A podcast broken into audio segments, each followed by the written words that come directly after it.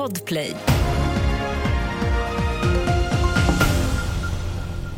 Vi börjar med att det har varit en sprängning i ett bostadsområde i Strängnäs. Larmet kom in strax efter klockan fyra. Det finns inga uppgifter om skadade personer men ett stort område är avspärrat och flera personer har behövt lämna sina hem.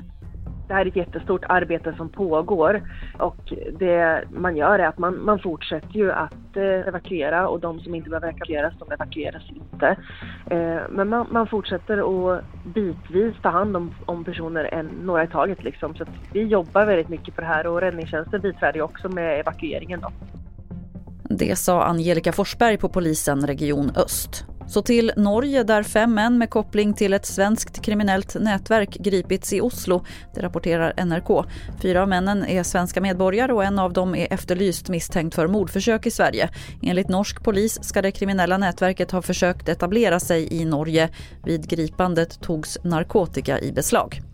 Det ekonomiska läget verkar inte ha minskat intresset för att gå på festival i sommar. SR rapporterar att det är extra stor efterfrågan på biljetter och försäljningen till flera av landets största festivaler har gått bättre i år jämfört med samma period förra året. Fler nyheter finns på tv4.se. Jag heter Lotta Wall.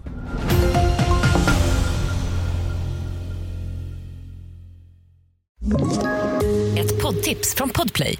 I podden Något Kaiko garanterar östgötarna Brutti och jag, Davva, dig en stor dos skratt. Där följer jag pladask för köttätandet igen. Man är lite som en jävla vampyr. Man har fått lite blodsmak och då måste man ha mer. Udda spaningar, fängslande anekdoter och en och annan arg rant. Jag måste ha mitt kaffe på morgonen för annars är jag ingen trevlig människa. Då är du ingen trevlig människa, punkt. Något Kaiko, hör du på Podplay. Därför arkadeinerna.